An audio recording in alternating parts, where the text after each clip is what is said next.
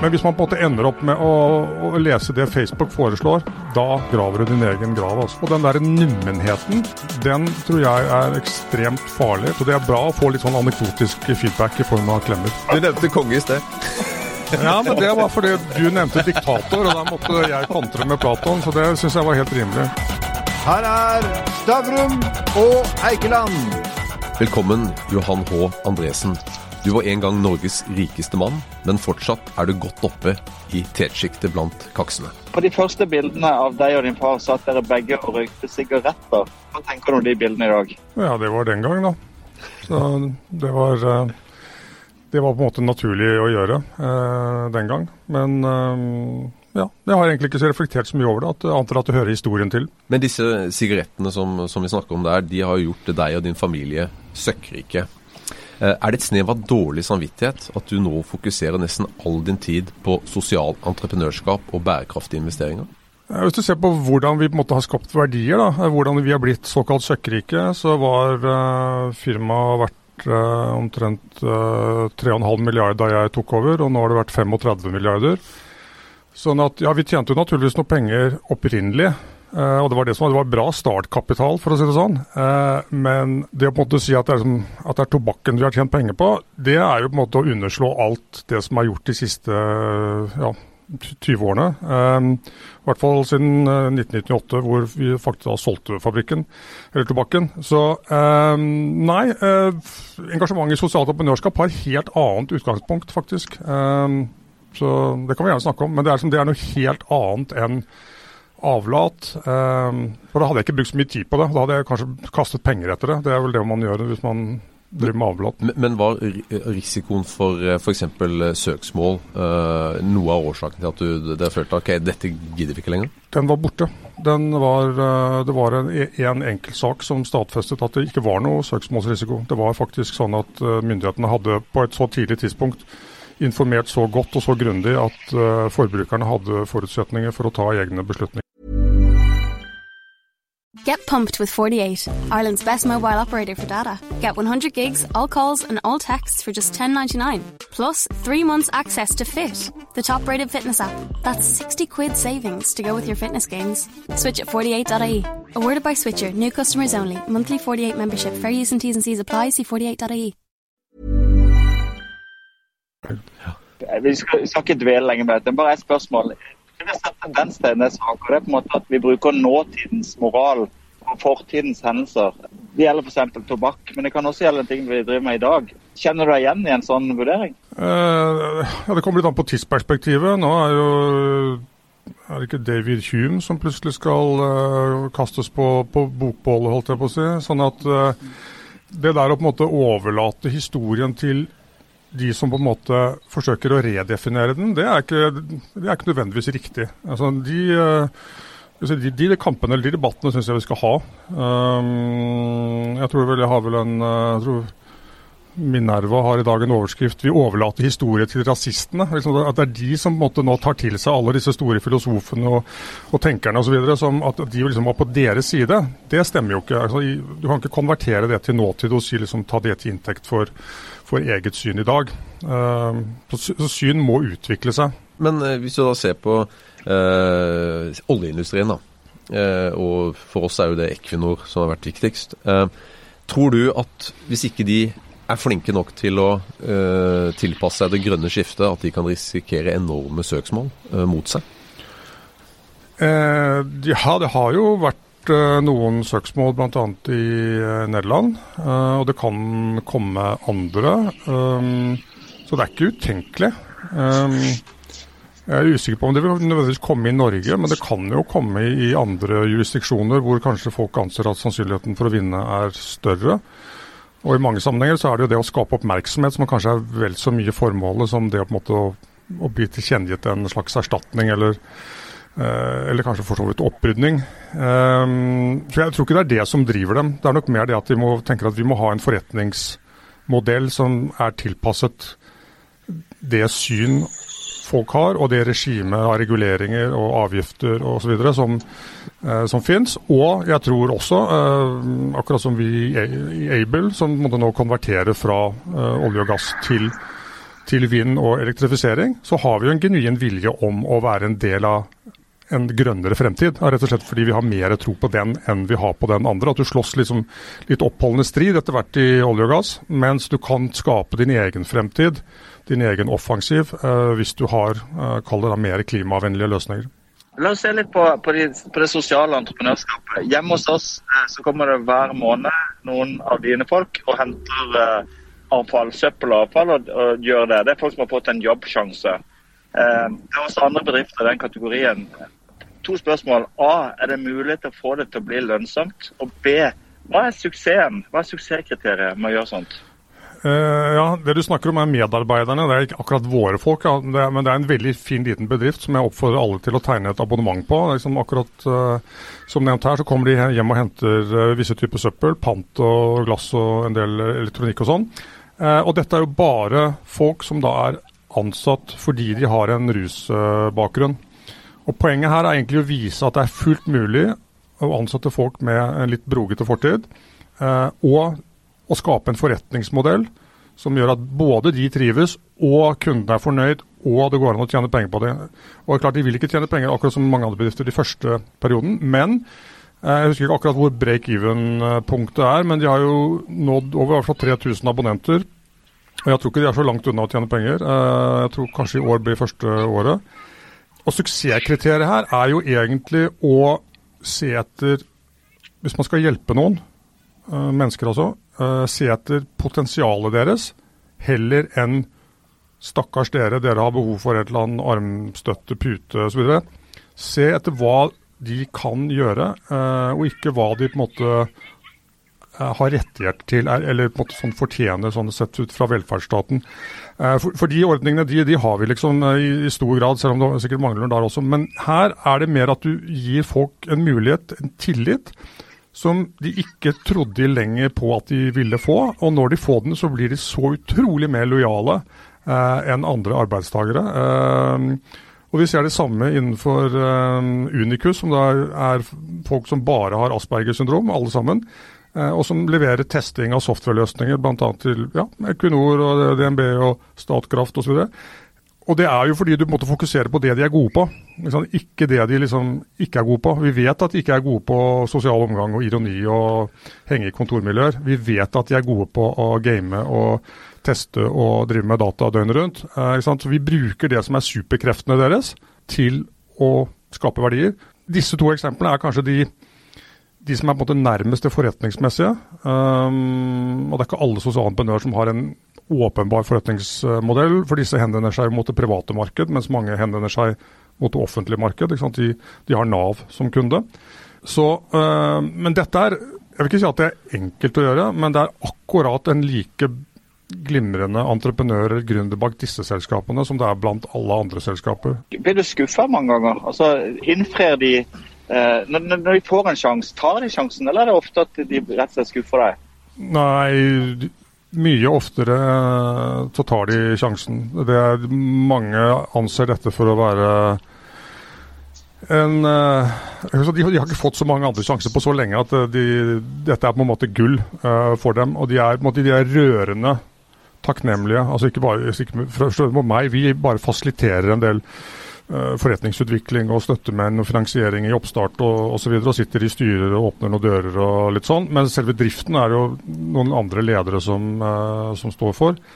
Så, uh, og dette ser vi rundt baut forbi også. Folk som er på en måte gitt opp, spesielt unge som kanskje har vært gjennom alle, alle etater, holdt jeg på å si, utsatt for alt mulig rart. Eh, hvis de blir vist tillit, så er det bl.a. en sosial entreprenør i Skien som hun har da hun klarer å få 40% av disse tilbake på skole-jobb-vei.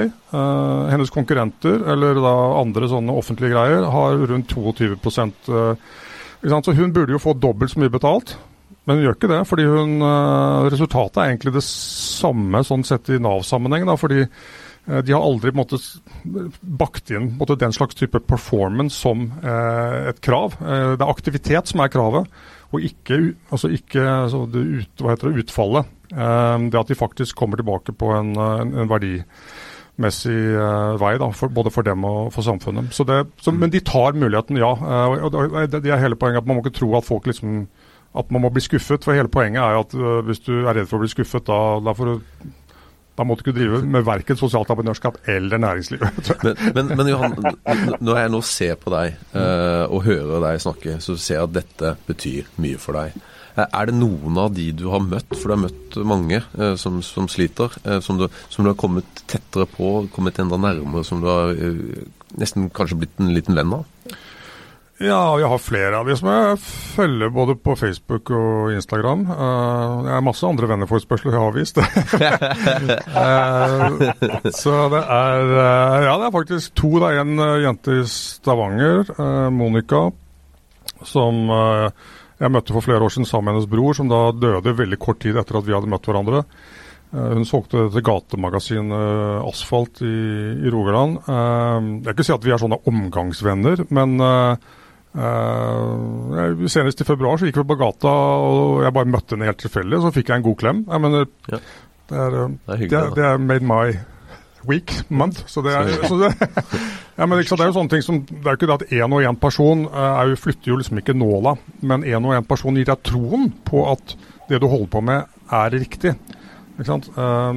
så det er bra å få litt sånn anekdotisk feedback i form av klemmer. Er du, eh, vil du si at du er typisk eller atypisk i forhold til andre forretningsfolk i Norge når det gjelder holdningene dine på dette punktet? Oi, det vet jeg ikke helt. Jeg, jeg, følte kanskje at jeg var litt alene til å begynne med da vi, da vi begynte med dette for 13-14 år siden. Eh, men nå ser vi bl.a. at et selskap som jeg har veldig stor respekt for, eh, Møller, eh, som har laget noe som heter Møller Medvind, um, som, som, både måte, engasjerer folk uh, som er litt uh, som har hull i CV-en til å på en måte, ferdigstille bruktbiler og sånn. Eh, og de har også kontakter da, med en av våre sosiale entreprenører som heter Generasjon M, hvor ungdommer skal på en måte være skal bo i et leilighetskompleks sammen med eldre. Um, og, og aktivisere dem. Så det kommer folk etter, eh, men jeg tror det er litt sånn, det virker som det er litt tyngre å snu en del meninger og strukturer i en del andre selskaper. Fordelen hos oss er at det var jeg på en måte som fikk lyst til å gjøre dette, og da blir det på en måte sånn. Eh, mens kanskje i andre sammenhenger så er det kanskje noen yngre generasjoner som må overbevise mor og far og et par styrer og sånn. Det er fordelen med å være diktator. ja, ja det er diktator, er ikke noe har brukt, men sånn, hva heter det, uh, Platon kalte det 'philosopher king'. Altså, den som er, uten sammenligning for øvrig. jo, ja, jeg likte den. Men, men du har jo snakket Var du som begynte, bare? men uh, du, du, du, har jo snakka tidligere varmt om det å legalisere uh, ja, bl.a. cannabis. da. Uh, er det noe Og det er jo fordi at dette engasjementet ditt har vist at du har truffet mange som, som, som er avhengig av dette. Er, det noe du, du syns i Norge at vi bør se på og utrede mer og kanskje få til? Eh, jeg tror det er veldig viktig å vite hvor man begynner hen. Altså, I Norge så har vi foreløpig, og jeg sier foreløpig, eh, kontroll på en del av la oss si, at dette er ikke fullstendig ute av kontroll som det er i Sverige, eh, hvor på en måte 40 klaner har på en måte overtatt en del av en del byer og, og småsamfunn. Uh, og når du, når, du, når, når du, som myndighet har mistet kontrollen, og du holder på å tape, så er det bare én måte å gjøre det på, det er å endre reglene. Um, å legalisere cannabis i Sverige ville være å endre reglene. Uh, som på en måte motstanderne ikke kunne gjøre noe med, sånn i det korte bildet. I Norge har vi ikke mistet kontrollen, så der er, uh, og det mener jeg er fornuftig, at vi gjennomfører den rusreformen som nå er på på trappene, uh, som skal behandles uh, i vårsesjonen. Uh, og Den flytter jo da ansvaret fra myndighetene at de skal behandle folk som har rusproblemer, eller potensielle rusproblemer, fra justis til helse. Og det, dette er jo for så vidt den filosofien som vi snakker om innenfor sosialt entreprenørskap. og Du fokuserer på på menneskene og ikke på liksom systemet. Um, og Av og til må du endre systemet, og det er jo um, for å hjelpe menneskene. Derav en uh, reform, for du kan ikke hjelpe bare én og én av gangen. Så jeg mener altså Legalisering er en utvei, um, og det kan være relevant for Norge også. Men jeg mener at vi, nå har vi kommet så langt med å, den rusreformen som ja, ligger på bordet og ser, uh, ser fornuftig ut. Så la oss kjøre gjennom den. Ja. Du, du, du, studerte i USA, så du, du, kjenner kanskje litt til det? Eh, ja, jeg bodde på eh, Nabokameraten min var en deadhead, eh, så, på, så da kan du Ok, eh, do the math. Herlig. La, la, oss, la oss holde oss litt i USA. Um, det er jo, I dag kommer den første eh, duellen mellom Joe Biden og, og Trump. A. eh, hva hadde du stemt hvis du bodde i USA? Det er kanskje litt åpenbart. Og B. Hvem tror du blir president? Ja, jeg hadde klart stemt Biden, men um, Ja, jeg hadde jo Jeg tok så feil forrige gang at uh, da Trump ble valgt, at jeg er jaggu ikke godt å si. Dette kommer til å henge på noen vippestater. Uh, jeg har ikke nok innsikt i, uh, i hvordan det ligger an der. Men ehm, ja, jeg tror det kan være sunt med litt avløsning eh, i Det hvite hus. Men, men når du da ser, eh, ikke bare USA, men også Europa, alle disse store opphetede politiske frontene som, som egentlig det er, det er veldig lenge siden vi har hatt. Eh, vi får det bitte litt i Norge også. Bekymrer det deg? Ja, altså det er klart at Jeg merker jo at når man ser på en måte utrerte, hatske, merkelige, narsissistiske øh, oppfordringer til nestenforbrytelser, holdt jeg på å si, på, på Twitter eller andre steder, og jeg nesten bare scroller forbi det og tenker sånn er det blitt. Eh, og den der nummenheten, den tror jeg er ekstremt farlig. fordi i det øyeblikket vi på en måte slutter å opponere, slutter å bry oss, slutter å ta til motmæle fordi liksom, ja, dette, de slipper unna med det, eller dette er liksom en del av prisen for demokratiet, eller kall det hva du vil. Eh, Det tror jeg er veldig farlig, for da er det noen politikere som tenker at ja, her har vi faktisk eh, følgeskare nok til å gjennomføre en del av disse tingene. Vi, har, vi kommer til å veldig, gjøre noen drastiske ting, og det er noen som kommer til å støtte oss. Eller de som er imot oss, selv om det er en majoritet, kommer ikke til å opponere. Uh, og jo, Trump tester jo liksom ut dette vannet nå, uh, om det er på en måte nok backing for en del av disse ganske ekstreme tiltakene han eh, i hvert fall snakker om. Eh, og det, det bekymrer meg. For det, eh, for det er klart at det kommer i perioder så kommer det personer til makten som vi under normale omstendigheter ikke skulle ønsket oss. Men når de først er der, så er ikke demokrati den enkleste måten å håndtere dem på. Og i dagens mediebilde så er det en del av disse stemmene som faktisk gjør at eh, disse blir løftet opp til et uh, nivå av troverdighet som er på en måte helt, uh, helt feil. Uh, og klart det, det bekymrer meg. Hvordan forholder du deg til sosiale medier og det som kalles for fake news og etablerte medier? Hva er liksom din mediehverdag? Eh, ja, altså det er faktisk Jeg er faktisk eh, blitt ganske glad i Twitter. for du, okay, du kan velge deg ditt ekkokammer, men du kan også velge å bli uh, utfordret. Du kan også velge ditt eget uh, mangfold.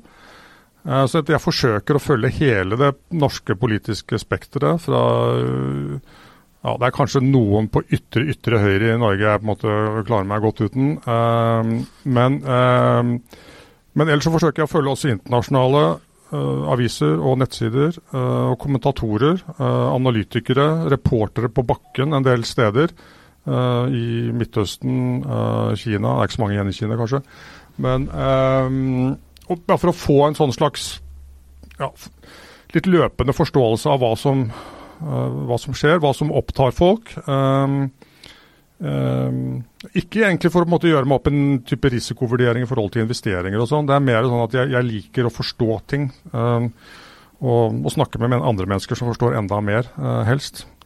Så, men um, Ja, nei, jeg tror uh, Men hvis man på en måte ender opp med å, å lese det Facebook foreslår, da Ja, det, det er farlig. Da eh, å, å like og, og dele det som Facebook foreslår til enhver tid. For da havner du i din Da graver du din egen grav, altså. Men du må, du må like og dele denne podden, da. Ja, det ja, får se når dere er klippet ferdig. Men Nei, sant nok. sagt. Nei, vi er ikke ferdige ennå. Nei, nei, nei, nei. Men, men um, altså hvis vi eh, kommer litt inn på dette. Uh, du er jo femte generasjon, Andresen. Eh, vanligvis så begynner man å slite i tredje generasjon. Eh, om ikke alt forsvinner, forsvinner veldig mye da. Hva er det dere har gjort slik at dere har lykkes med alle disse generasjonsskiftene? jeg tror svaret finner du i tredje generasjon. Eh, det var min farfar. altså da min farfar overtok, så var uh, virksomheten en av veldig mange. Jeg tror det var en 40 stykker igjen i 1915. Uh, og da jeg overtok, så var det én igjen. Um, sånn at det var min farfar som var liksom, det de kaller the pivotal generation, altså de som virkelig på en måte endret fremtiden. Uh, jeg har forsøkt å endre det på, på, min måte, så jeg tror sånn sett er noe av clouet er at man hver generasjon forsøker å fornye um, bedriften. Og nå er jo vi en litt annen bedrift, da, i og med at vi på en måte har den opprinnelige er, er, Først var den, ble den etter hvert liten i forhold til resten, og så solgte vi den. Eh, men det der med at man forsøker å finne ut av hvilke, hva er det man egentlig, hva slags verdier har man, uh, hva er det man ønsker å få til, uh, klarer jeg å tiltrekke meg mennesker med, med, lignende verdier og ambisjoner, og så forsøke å sette det ut i livet, og ikke liksom bare drive uh, ja, forsvar av gammel Gammel moro. Gammel moro eller gammel le legacy. eller på en måte, det er, det er, lettere sagt enn gjort, naturligvis, hvis du sitter på en hjørnesteinsbedrift i, i en fjordarm med et hotell liksom, som familien eide i 13 eh, generasjoner eller noe, da, da, er det det som er måte, greia. Um, men også der finnes det muligheter å utvide liksom, inntektsgrunnlaget, selv om akkurat i disse dager så er ikke det så lett. Um, men jeg tror den der, den der, streven etter å fornye seg, da, um, og få ta inn folk som er villige til å være med på den reisen. Men, men uh, som i veldig mange familier, så er det ofte, altså de rike her i, i, Oslo særlig, så er det én som arvet Uh, nesten alt, da, kan du si. Og I, i ditt tilfelle så var det jo deg, eller deres. Uh, har det spilt også en rolle? For jeg regner med at det var din far som arvet alt i sin tid og osv. Har det også vært en viktig rolle? Ja, altså det var jo på, hvert, I hver generasjon så har det vært søsken som sånn sett har blitt uh, gitt deler av finansielle aktiva stort sett, eller eiendom. men at selve bedriften er blitt holdt sammen på én hånd. og klart det har nok hatt Altså det at jeg på en måte har hatt fritt spillerom, og på en måte har brukt bedriften som en, en ressursbase for å gjøre andre ting enn de rent næringsmessige, altså kall det eksperimentelle investeringer, uh, eller hva det måtte være. det hadde jeg jo, altså Hvis jeg hadde måttet gå til et et styre bestående av eh, x antall slektninger for å få det gjennomført. Der er det mange som sier at nei, det gidder vi ikke. Og Den nevnte Møller tidligere, de har nemlig gjort det. Altså, de har tatt en runde gjennom alle de nålevende generasjonene og fått hele, alle i familien med på en ny reise. En enorm uh, og veldig kraftkrevende oppgave. Men når man først har gjort det, så kan man gjøre helt andre ting. Jeg har liksom bare fått med meg mine ansatte og mitt styre på en del av disse tingene. Og det har ja, som sagt. Men, men jeg, jeg intervjua eh, Johansson-familien for noen år siden. Uh, først Torbjørn, uh, og så uh, søstera hans Liv. Uh, og, og, hun og søsteren, hun er nå avdød, da, men de arvet egentlig ingenting. for de skulle gifte seg til med borgerlig eller et eller annet som faren sa. så var det Torbjørn og, og broren hans Knut som, som arvet alt. Det, skapte, det har jo skapt da tydeligvis litt ondt blod, litt splid. Uh, og hun er litt bitter, eller var i hvert fall da i 2014, på at hennes barn egentlig satt igjen med, med veldig lite. Uh, du har ikke opplevd noe samme hos deg at, med dine søsken og, og, sånt, at det har vært helt, helt greit? Eller, altså, jeg, jeg, kunne bare tenke på at det kanskje kan være tøft, da? Ja, det er klart at uh, ja, Jeg har ikke full innsikt i hva de tenker til enhver tid om dette, men de har jo da en ja, Det de på en måte ikke har, da, som, som, jeg har, er at de har ikke ansvar for um, ja, 16 000 mennesker og uh, titalls bedrifter og etc. etc. Og, um, og forsøker på en måte å, å være måte den, den som måte bærer det videre. sånn at de har en frihet, uh, en finansiell frihet også, men um, har ikke naturligvis den finansielle muligheten til å gjøre det som uh, jeg gjør. sånn at og Dette er et valg som min, uh, min far tok uh, den gang. Uh, den gang var det faktisk såpass store enheter at det var kanskje fornuftig å opprettholde kraften, eller eierskap på ett hånd. nå er det jo sånn at nå er Ferd egentlig et investeringsselskap med ja, ti store bedrifter som vi eier helt eller delvis, og en lang rekke andre typer investeringer. Så nå er det faktisk fullt mulig å, å, ha flere aksjonærer som måtte, si, må ha glede av, av, det eierskapet. Samtidig så er firmaet nå så profesjonelt at eierne behøver ikke nødvendigvis delta i den daglige styringen. Kanskje ikke i alle, alle i styret heller.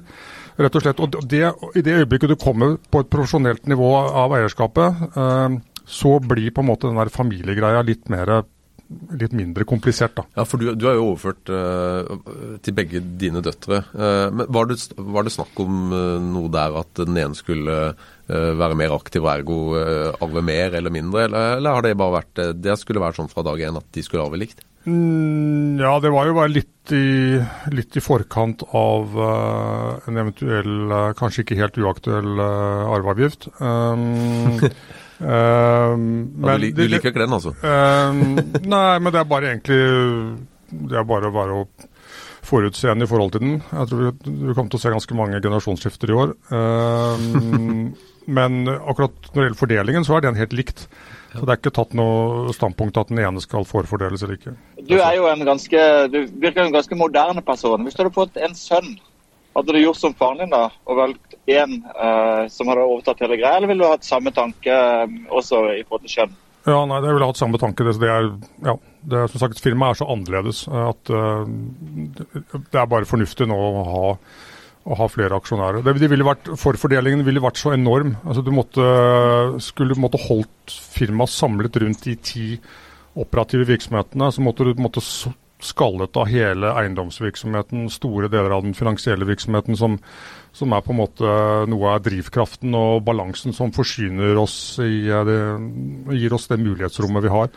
Sånn at uh, jeg på en måte tar sjansen på at, uh, at dette kan gå bra. Hvis du ser på en del av de litt mer avanserte svenske investeringsselskapene, som er familie Eh, kontrollert, um, dog gjennom stiftelser. Så, det, så, de har fått det til. Um, men det er når du, når du måtte, hvis du forfordeler så skjevt at noen får noe, men nesten ingenting, sånn at liksom, så kan det jo bli uro i ja, for det, det, for det er jo det som egentlig har skjedd i generasjonen helt til og med deg nå, egentlig.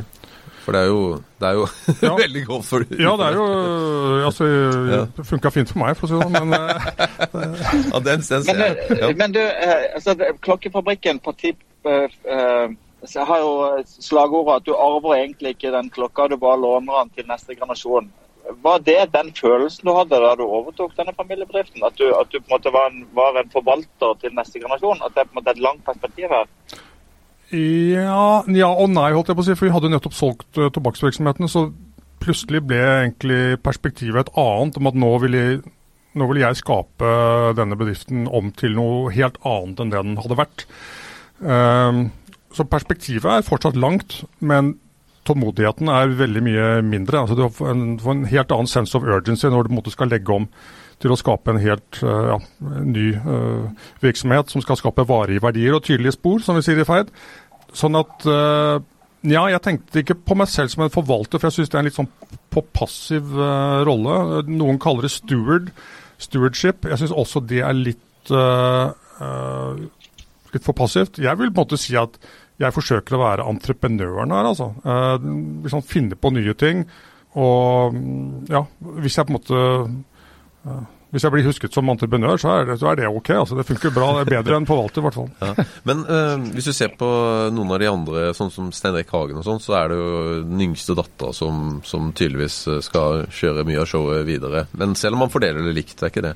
Er, det av, av, jentene dine, er det noen av dem som skiller seg ut for å at, som ønsker å, å, å overta etter hvert?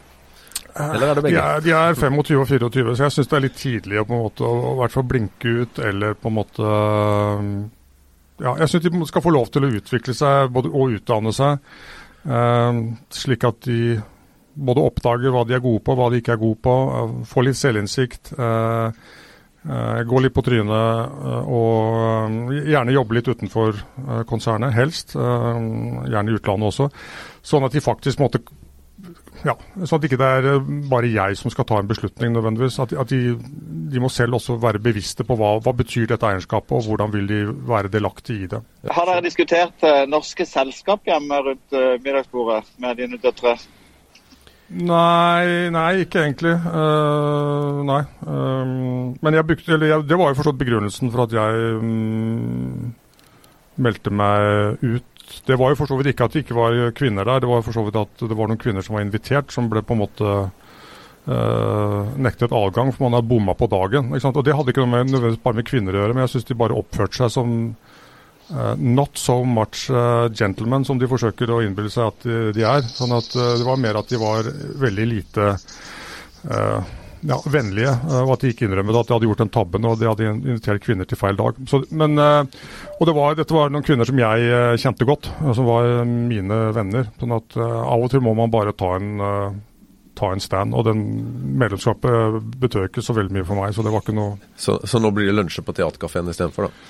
Nei, nå har vi, eh, vi har flyttet til Dronning Mauds gate 10, og vi har eh, veldig fin lunsj. Vi, skal, vi kan invitere folk på lunsj eh, hos oss. Så, det hyggelig.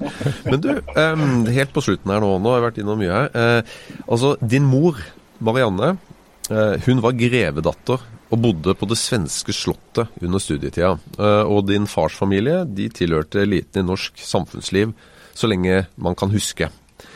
Hvis vi hadde hatt adelstittel i Norge i dag, eh, ville du vært greve, storfyrste, kurfyrste, markis, hertug, erkehertug eller baron? Uh, ja, dette er på en måte sånn, dette er et helt klart lurespørsmål. Altså, det var faktisk en av de, de, de virkelige tingene jeg, jeg, jeg, er faktisk litt fan av Jens Stoltenberg. Han sa veldig tidlig i hvert fall i sin politiske karriere at man skal ikke svare på hypotetiske spørsmål. Uh, og jeg, vet at dette er et av de man ikke skal, virkelig ikke skal svare på. du, du, du nevnte konge i sted. Ja, men det var fordi du nevnte diktator, og da måtte jeg kontre med Platon, så det syns jeg var helt rimelig. La oss kalle deg for uh, entreprenør, og takke deg for en veldig hyggelig samtale. Takk for at jeg fikk komme.